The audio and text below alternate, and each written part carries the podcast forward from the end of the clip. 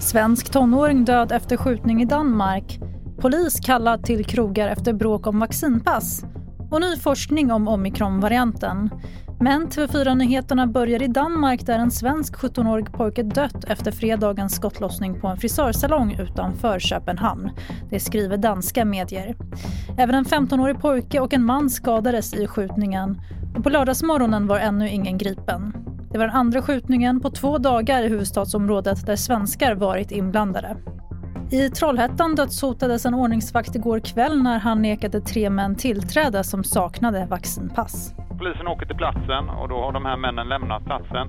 Ordningsvakten eh, vill inte göra någon anmälan eller medverka i utredningen.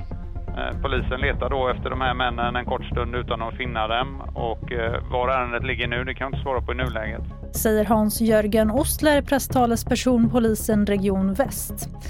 Och I Malmö inträffade en annan incident kopplad till vaccinpass när en man i 20-årsåldern försökte ta sig in på ett uteställe med ett falskt covidbevis. Även där kallades polisen till platsen och mannen misstänks nu för missbruk av urkund. Virusvarianten omikron har nu upptäckts i 38 länder men än finns inga dödsfall registrerade. Det uppger Världshälsoorganisationen WHO enligt The Guardian. Forskare i Sydafrika gick under fredagen ut och sa att det verkar som att omikronvarianten sprids dubbelt så snabbt som deltavarianten men betonade också att resultaten än så länge är osäkra.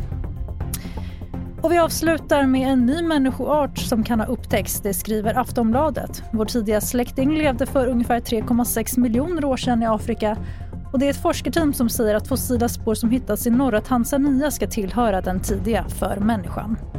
Och fler nyheter hittar du i vanlig ordning i TV4 Nyheternas app och på tv4.se. Mitt namn är Tannas Edalat.